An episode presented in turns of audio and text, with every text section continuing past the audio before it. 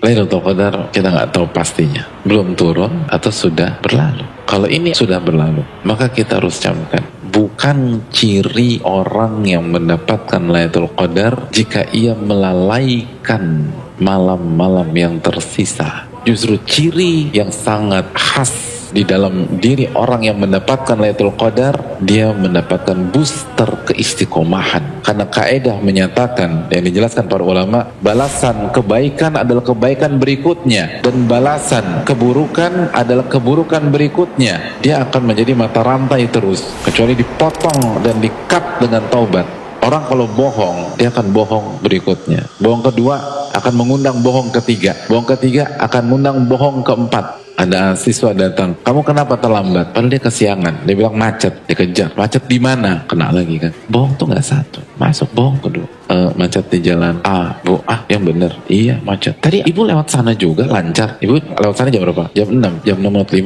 ada kecelakaan bu. Bohong ketiga udah. Mana ada kecelakaan? Dosa itu ngundang berikutnya hadirin. Kelalaian itu ngundang berikutnya. Jadi kalau kita dapat Lailatul Qadar dan Lailatul Qadar sudah berlalu itu saat ini tuh kita semangat hadirin. Gak ada kepikiran untuk ngelepas malam ini. Makanya lihat Nabi kita SAW full 10 hari. Lalu kita santai kita buang-buang waktu makanya fokus fokus fokus